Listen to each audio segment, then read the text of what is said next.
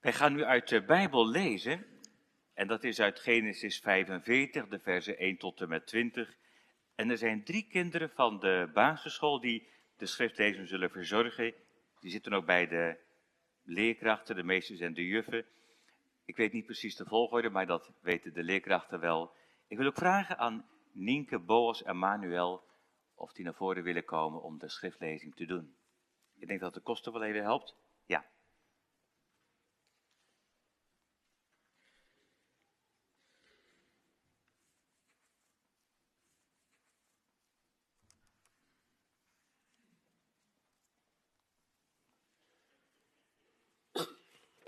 Jozef maakt zich bekend.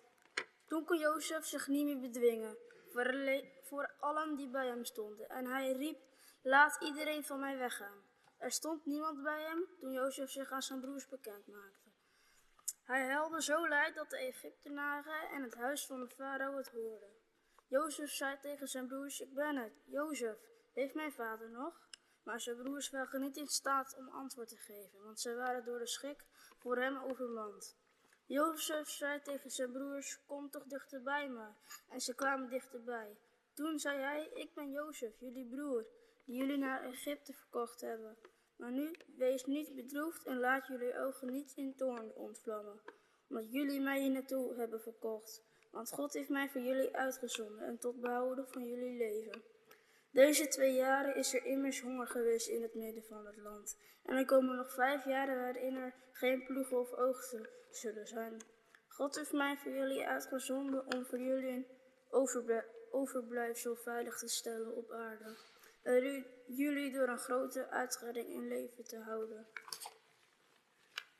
Nu dan, niet jullie hebben mij hier naartoe gestuurd, maar God. Hij heeft mij aangesteld als vader voor de farao, als heer over heel zijn land en als heerser over heel het land Egypte. Maak haast, ga naar mijn vader en zeg tegen hem, dit zegt uw zoon Jozef. God heeft mij tot heer over heel Egypte aangesteld. Kom naar mij toe, wacht er niet mee. U kunt in het land Gozen wonen, dan zult u dicht bij mij zijn. U, uw kinderen en kleinkinderen, uw kleinvee, uw runderen en alles wat u hebt. Ik zal u daar onderhouden, want er zal nog vijf jaar honger zijn, zodat u niet verarmt. U, uw huis en alles wat u hebt.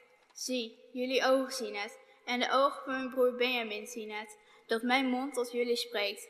Vertel mijn vader over al mijn eer in Egypte en over alles wat jullie gezien hebben. Haast je en breng mijn vader hierheen. Toen viel hij zijn broer Benjamin om de hals en helde. En ook Benjamin helde terwijl hij hem omhelste. Vervolgens kuste hij al zijn broers en helde met hen. Daarna durfden zijn broers met hem te spreken. Toen het gerucht dat de broers van Jozef gekomen waren in het huis van de farao gehoord werd, was het goed in de ogen van de farao en in de ogen van zijn dienaren. En de farao zei tegen Jozef, zeg tegen uw broers, doe dit, bepak uw dieren en ga op weg naar het land Canaan. Haal uw vader en uw gezinnen op en kom naar mij toe. Ik zal u het beste deel van het land Egypte geven en u zult het voortreffelijkste van het land eten. En u hebt de bevoegdheid, doe dit. Neem uit het land Egypte wagens mee voor uw kleine kinderen en voor uw vrouwen. Vervoer ook uw vader ermee. En kom, laat uw oog uw huisraad niet ontzien, want het beste van heel het land Egypte, dat is voor u. Bedankt, mooi voorgelezen, fijn dat jullie dat gedaan hebben. De tekst voor de preek, die is ook in dit gedeelte.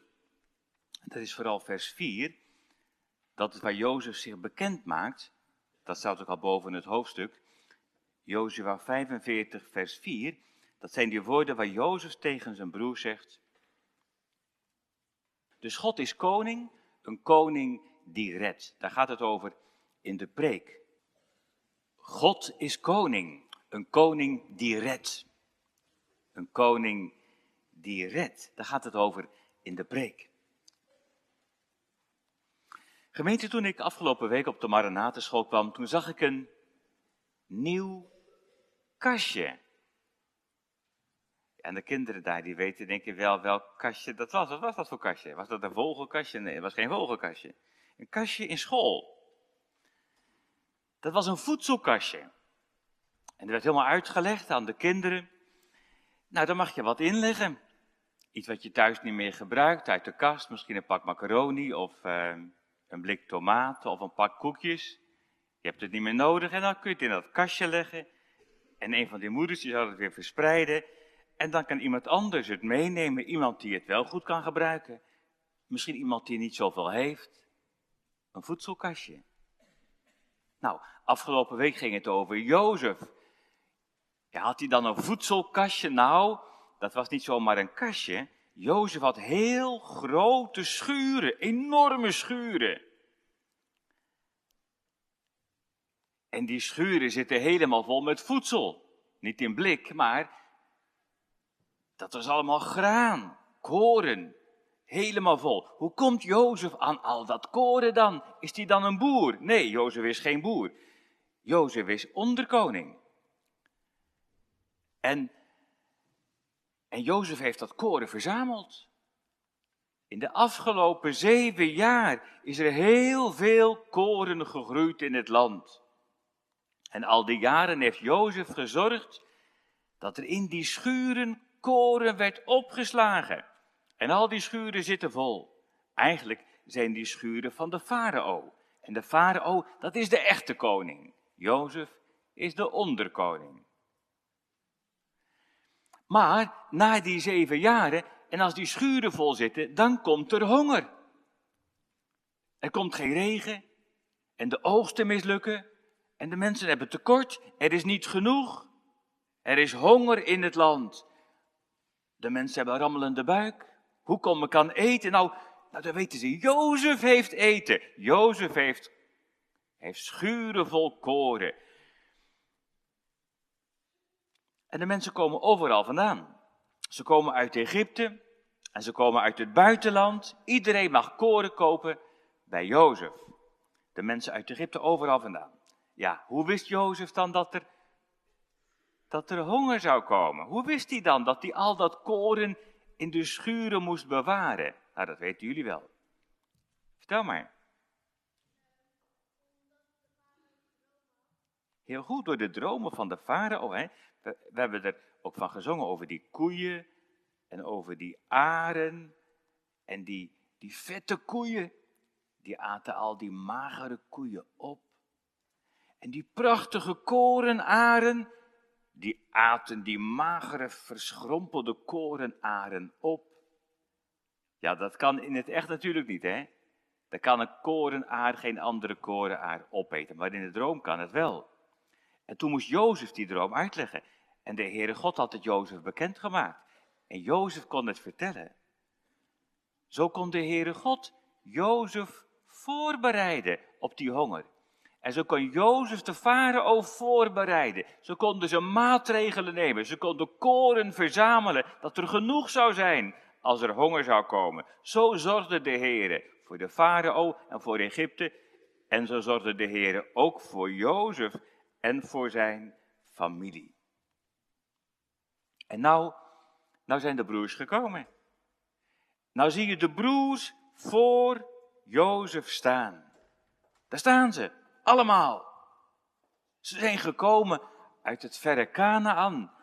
Maar ze hadden wel een lange reis ervoor over. Ze wilden koren hebben. Ze hebben gehoord, je kunt koren kopen in Egypte. En daar staan ze. Maar zouden die broers Jozef herkennen? Zouden ze Jozef herkennen? Nee, hè? ze herkennen Jozef helemaal niet.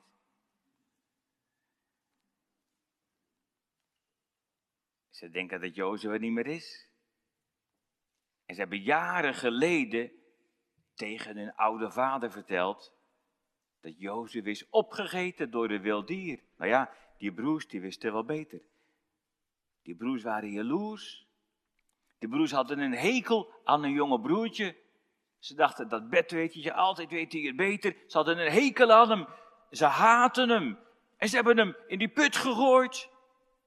En ze hebben hem verkocht. Dat hebben jullie gehoord op school.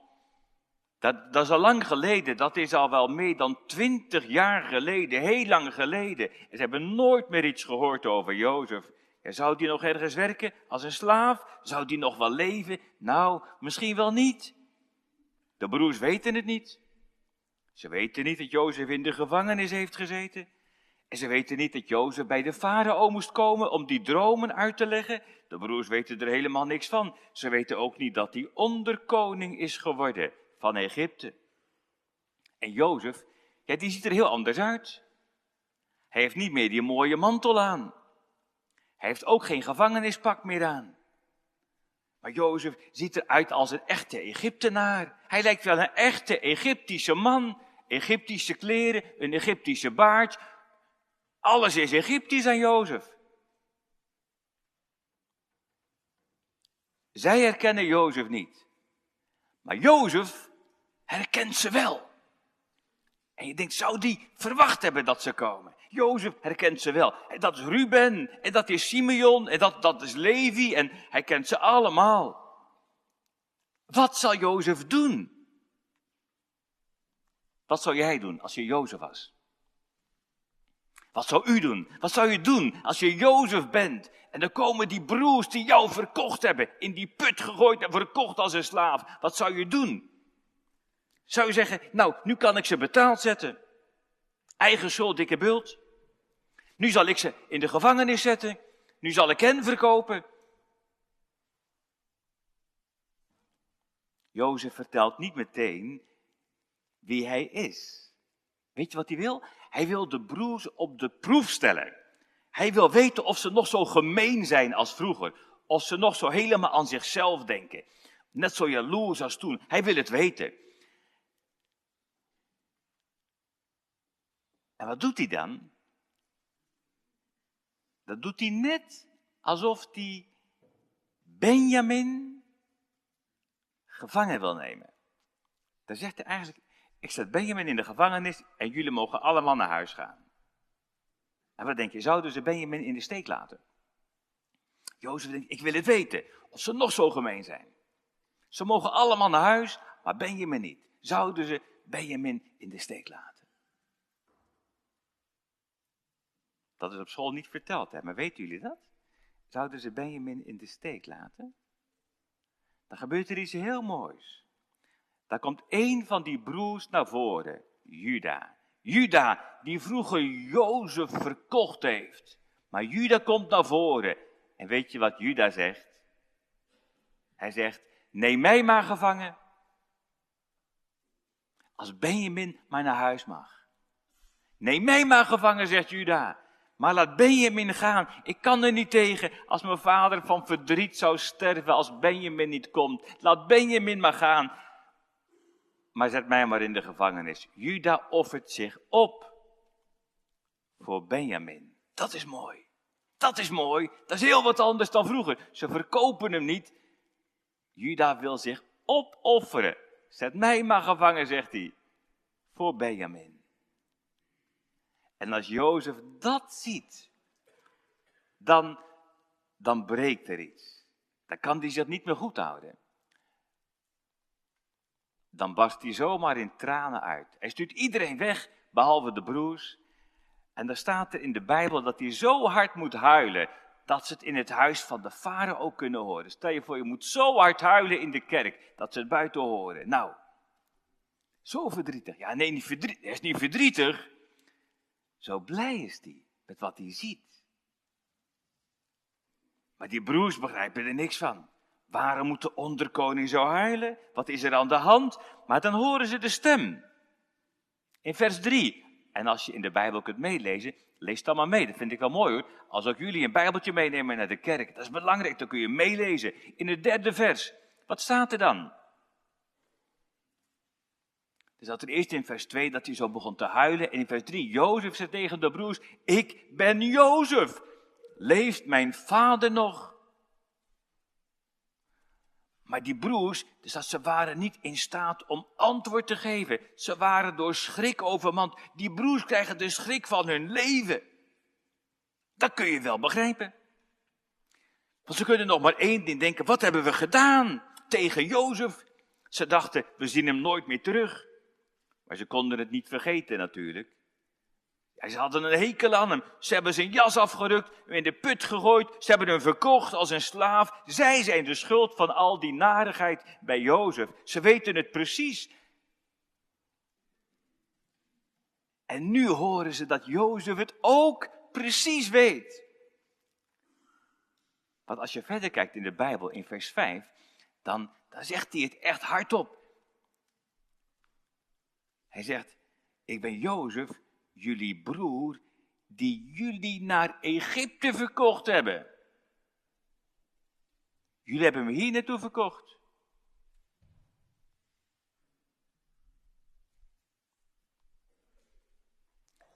Die broers schrikken zich naar en ze staan voor Jozef.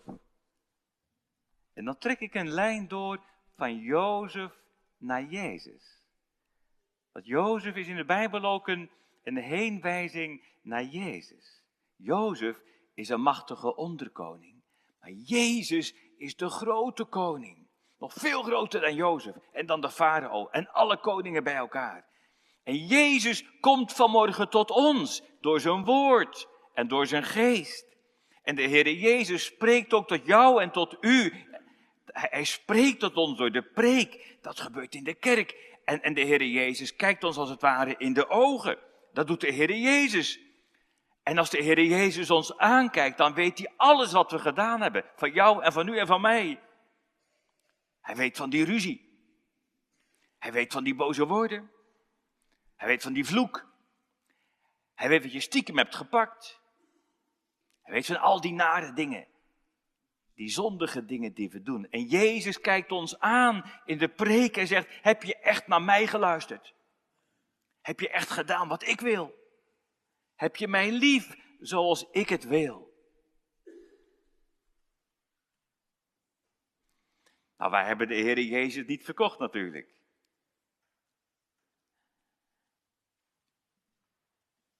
Maar in zekere zin hebben wij de Heer Jezus wel gekruisigd. Waarom? Omdat hij om onze zonden naar het kruis moest. Hij moest sterven om onze schuld. En de Heer Jezus, hij zegt het. Ik ben Jezus die jij hebt vergeten. Ik ben Jezus die jij verdriet hebt gedaan met elke zonde die je doet. Ik ben Jezus die u hebt gekruisigd. Dat is wat Jezus doet, net als Jozef. Hij laat ons onze zonden zien. Dat hebben we nodig. Want anders heb je Jezus niet nodig. Jezus laat ons zien dat wij schuldig zijn. Dat is schrikken. Wat heb ik gedaan? Wat heb ik gedaan? Wat zal Jezus van me denken? Wat zal die met me doen? Jozef is een machtige man. Jozef die kan zijn broers laten opsluiten. Jozef, hij kan zijn broers laten doden. Hij kan wraak nemen. Maar Jozef neemt geen wraak. Dat is hier het machtige wonder. Jozef spreekt vriendelijke woorden. Jozef spreekt over hun redding, niet over hun ondergang. Lees maar mee in vers 5. Hij zegt, God heeft mij voor jullie uitgezonden tot behoud van jullie leven. Eerst zegt hij, jullie hebben me hier naartoe verkocht. Dat hebben jullie gedaan, zegt hij. Maar God heeft mij voor jullie uitgezonden. Tot behoud van jullie leven. Jozef zegt, God heeft mij hier gebracht om jullie te redden. Wat is dat mooi. Jozef geeft zijn broers vergeving. Hier is Jozef echt een onderkoning die redt. God is koning, een koning die redt. Dat doet Jozef. Hij redt zijn broers en zijn familie. Een koning die redt. En dan de echte koning. God is koning. Dan mag je denken aan de Heer Jezus. Hij is de zoon van God. Hij is de hoogste koning. Hij is almachtig. Hij kan met ons doen wat hij wil. Jezus kan doen wat hij wil met jou, met u, met mij. Maar Jezus wil niet onze ondergang, hij wil onze redding. Hij is die koning die redt, dat is het wonder. En Jezus wil dat je bij hem komt en dat je hem vraagt om vergeving. Net als met dat mooie kindergebed. schoon mijn zonden vele zijn. Maak om Jezus wil mij rein. Dat is een kindergebed, maar ik bid het nog steeds. Ja, waarom niet? Daar ben je toch niet te groot voor? Om dat te bidden, schoon mijn zonden vele zijn. Maak om Jezus wil mij rein. Dat is elke dag weer nodig. En dan denk je, wil hij dat dan echt? Wil Jezus echt vergeving geven? Wil Jezus echt mij hebben? Hoe weet ik dat dan? Hoe weet ik dat Jezus wil dat ik bij hem kom? Ja, dat zegt hij zelf. Dat zegt hij zelf. Jozef die zei, God heeft mij voor jullie uitgezonden tot behoud van jullie leven. En wat zegt Jezus? Hij zegt, God heeft mij gestuurd ook tot behoud. Dat is een hele mooie tekst. En de ouderen kennen die tekst zeker, maar ik denk ook heel veel jongeren en kinderen wel. Johannes 3, vers 16 en verder. Want, want zo lief heeft God de wereld gehad, dat hij zijn enige geboren zoon, dat is niet Jozef, maar Jezus, dat hij zijn enige geboren zoon gegeven heeft, opdat een ieder die in hem gelooft niet verloren gaat, maar eeuwig leven heeft. Daarvoor heeft God zijn zoon gezonden. Nog veel mooier dan bij Jozef is het bij Jezus. En dat heeft de Heer Jezus niet alleen gezegd. Hij heeft niet alleen gezegd, ik ben gezonden om te redden. Dat heeft hij laten zien. En dan zie ik de Heer Jezus hangen aan het kruis. Daar hangt hij in mijn plaats, in jouw plaats, in uw plaats. Dat is de straf voor onze zonde. En daar geeft Jezus zijn leven, hij in de plaats van ons. Daar laat hij zijn liefde zien. Welk een vriend is onze Jezus, die in onze plaats wou staan. Wat een voorrecht dat ik altijd door hem vrij tot God mag gaan. Hier heeft Jozef iets van Jezus. Jozef wil zijn broers echt vergeven. Dan zeg ik ook iets voor de grote mensen. Vergeven is niet hetzelfde als vergeten. Soms zeggen mensen, vergeven dat is vergeten. Dat vind ik eerlijk gezegd een beetje onzin. Jozef is niet vergeetachtig. Zou Jozef een beetje vergeetachtig worden als hij zegt, ik vergeef het en dan weet ik het gewoon niet meer? Natuurlijk niet, Jozef, die weet dat toch heel goed. Dat heeft hij levenslang geweten, wat die broers hebben gedaan. Vergeven, dat heeft niet zoveel met vergeten te maken. Dat is ook helemaal niet bijbels.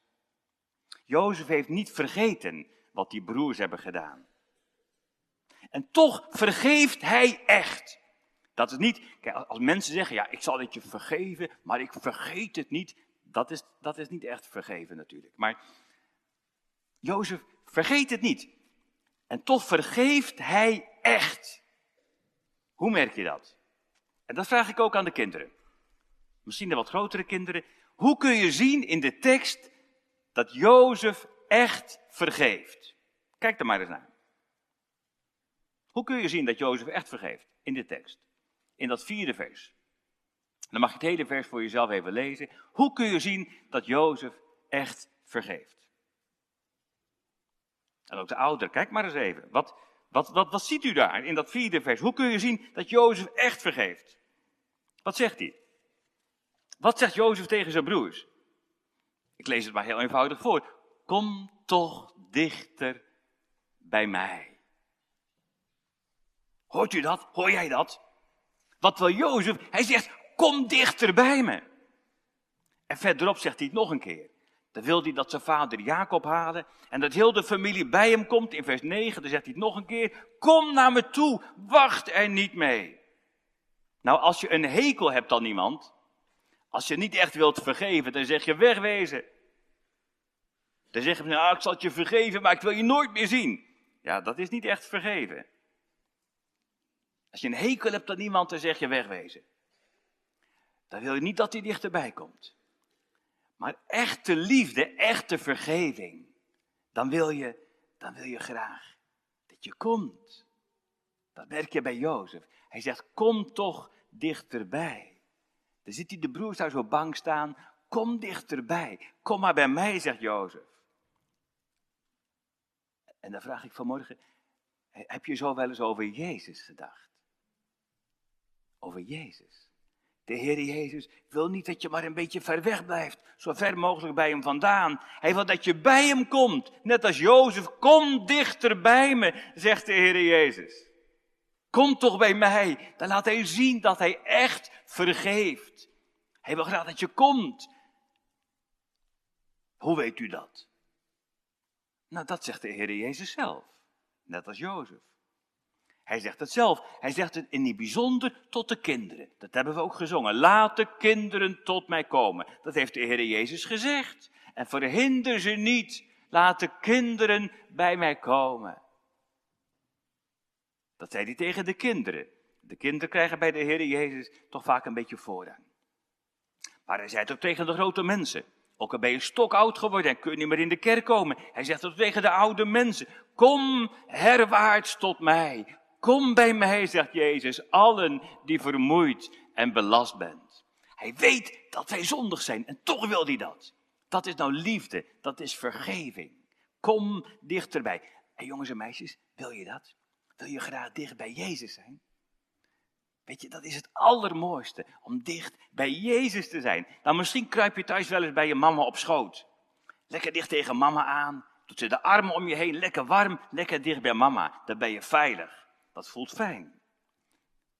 Nou, zo mag je als het ware bij de Heere Jezus op schoot. Zou je dat willen? Heel dicht bij de Heere Jezus. Dat kan natuurlijk nu nog niet letterlijk, nu nog niet, straks wel, maar nu nog niet. Maar, maar toch, dat je als het ware heel dicht bij de Heere Jezus schuilt. Als je bidt en je handen vouwt en je ogen sluit en je knieën buigt. Dat je heel dicht bij de Heere Jezus bent. En is dat Heere Jezus, mag ik heel dicht bij u zijn.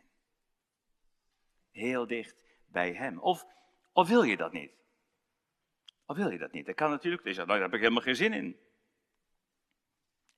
Dat je geeft eigenlijk niks om Jezus. Dat is eigenlijk dom. Dat is dom, toch? Stel je voor als een van die broers zegt, ik wil niet bij Jozef zijn. Stel je voor dat je broer zegt, oh, die Jozef die kan me gestolen worden, ik loop weg. Ja, dan krijgt hij geen koren en dan gaat het helemaal niet goed. Is dat dan de schuld van Jozef? Nee, dan is het eigen schuld. Als die broers redding willen, dan moeten ze bij Jozef zijn. Als wij redding willen, dan moeten we bij Jezus zijn. Zonder Jezus is er geen redding. Dan ben je verloren. Maar Jezus is die koning die redt.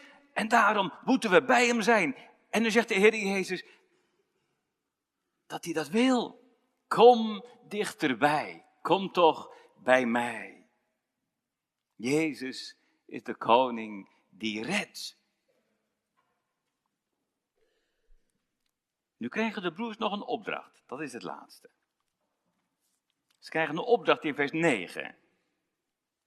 En lees maar mee als je kunt lezen. En heel veel kinderen kunnen al lezen. Lees maar mee. Maak haast. Ga naar mijn vader en zeg tegen hem: Dit zegt uw zoon Jozef. God heeft mij tot heer over heel Egypte aangesteld. Kom naar me toe, wacht er niet mee. Nou, nou moeten die broers naar vader Jacob in Canaan. En ze moeten vertellen, Jozef leeft. Ze moeten vertellen, Jozef is onderkoning geworden in Egypte. Jozef is de onderkoning die redt. Dat moeten ze vertellen. En jongens en meisjes, dat mogen jullie ook vertellen. Dat mag jij ook vertellen. Dan hoef je niet te zeggen dat Jozef redt, dat mag natuurlijk ook, maar dan mag je vertellen dat Jezus redt. Dat mag je vertellen. Je mag vertellen over Jezus. Wat is dat mooi om, tegen iemand anders te vertellen over Jezus. Thuis, bij je papa en je mama, bij je opa en je oma, of misschien bij de buren, dat je iets vertelt over Jezus. Dan mag je vertellen, Jezus leeft. Heel veel mensen denken dat hij dood is. Net als bij Jozef, ze dachten dat hij dood was. Maar dan mag je zeggen, Jezus leeft. Hij is er echt. En Jezus, Jezus geeft ook om jou, om u, dat mag je vertellen. En, en dan mag je vertellen, wat, wat, wat wil Jezus? Dat je bij hem komt. Ook iemand die nog nooit bij hem geweest is, dat je bij hem komt. Want Jezus is de koning die redt, dat mag je vertellen. Iets om nooit te vergeten? God is koning, Een koning die redt, dat mag je vertellen. En zo wil de Heere God ook jou gebruiken. Om misschien andere mensen wel te redden. Om ze te vertellen van, van de grote redder, de koning die redt. Alleen, alleen als die broers bij vader Jacob komen, dan valt het een beetje tegen. Dat hebben we niet gelezen, maar ik vertel het kort. Dan hoort vader Jacob over Jozef, maar vader Jacob kan het niet geloven. Dat staat in vers 26. Er staat toen bezweek zijn hart. Dat betekent eigenlijk dat het, dat het stil stond, dat het bevroren. Ik zou die een hartstilstand gekregen hebben. Het lijkt er wel een beetje op. En er staat er, hij geloofde het niet. Vader Jacob kan het niet geloven. Hij gelooft er niks van, dat kan niet. Jullie houden me voor de gek, zegt hij. Maar ja, de broers kunnen niet zwijgen. Vader gelooft het niet, maar de broers kunnen niet zwijgen en ze blijven vertellen. Dan moeten ze ook vertellen wat er gebeurd is. Dan moeten ze ook vertellen wat ze echt hebben gedaan met Jozef. Maar dan vertellen ze ook hoe vriendelijk Jozef is. En dat Jozef vergeving geeft. Dat hij echt vergeeft. En dat Jozef verlangt naar hen en naar zijn vader. Zo mogen ook wij vertellen over Jezus. Ook als mensen er niks van geloven. Als mensen zeggen, ik geloof het niet, dan mag je toch vertellen. Net als die broers bij vader Jacob. Ze bleven het gewoon vertellen. Ze konden niet ophouden. Vertel maar over Jezus die leeft en over Jezus die om je geeft. En vader Jacob hoort die broers vertellen. En hij hoort die blijde stemmen. En vader Jacob ziet je ogen glanzen. En hij ziet de geschenken die Jozef heeft meegegeven. En dan staat er in de Bijbel dat zijn geest opleeft. Vers 27. Dan breekt het geloof door die ongelovigheid heen. En dan roept vader Jacob, het is genoeg. Mijn zoon Jozef leeft nog. Ik zal gaan. Ik zal hem zien voordat ik sterf. Merk je dat? Ze blijven vertellen. En dan komt hij toch tot geloof. Zo doet de Heere God dat. Blijven vertellen over Jezus. Dat Jezus leeft. Dat Jezus om je geeft. Zo zul je Jezus zien. Want Jezus leeft en Jezus komt. Heel veel uitleggers zien in deze, gelijkenis, of in deze geschiedenis ook een, een aankondiging, een soort profetie, dat Jezus zich bekend maakt, ook aan het Joodse volk. Dat vind ik een hele mooie gedachte, dat er ook een geestelijk herstel zal komen van het Joodse volk. Dat laat ik nu verder rusten, maar ik sluit af met die woorden van Jezus, die komt. Want Jezus komt. En dan zal iedereen hem zien. Dan maakt Jezus zich aan alle mensen bekend. Dat is de laatste dag. Dan zal iedereen hem zien. Wie, wie, wie hem lief heeft, maar ook wie hem niet lief heeft. Wie hem gelooft, maar ook wie niet gelooft. Hoe zal dat zijn? Als Jezus komt, als Jezus zich bekend maakt op de wolken van de hemel, krijg je dan de schrik van je leven? Omdat je niet in hem gelooft? Of kijk je naar hem uit? Omdat je weet, Jezus is de koning die redt. Jezus is de koning bij wie ik veilig ben. Omdat hij echt vergeeft.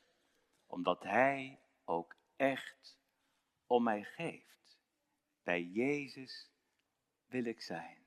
Zeg je dat mee? Heer Jezus, bij u wil ik zijn. Zo dicht mogelijk bij u altijd bij u. Amen.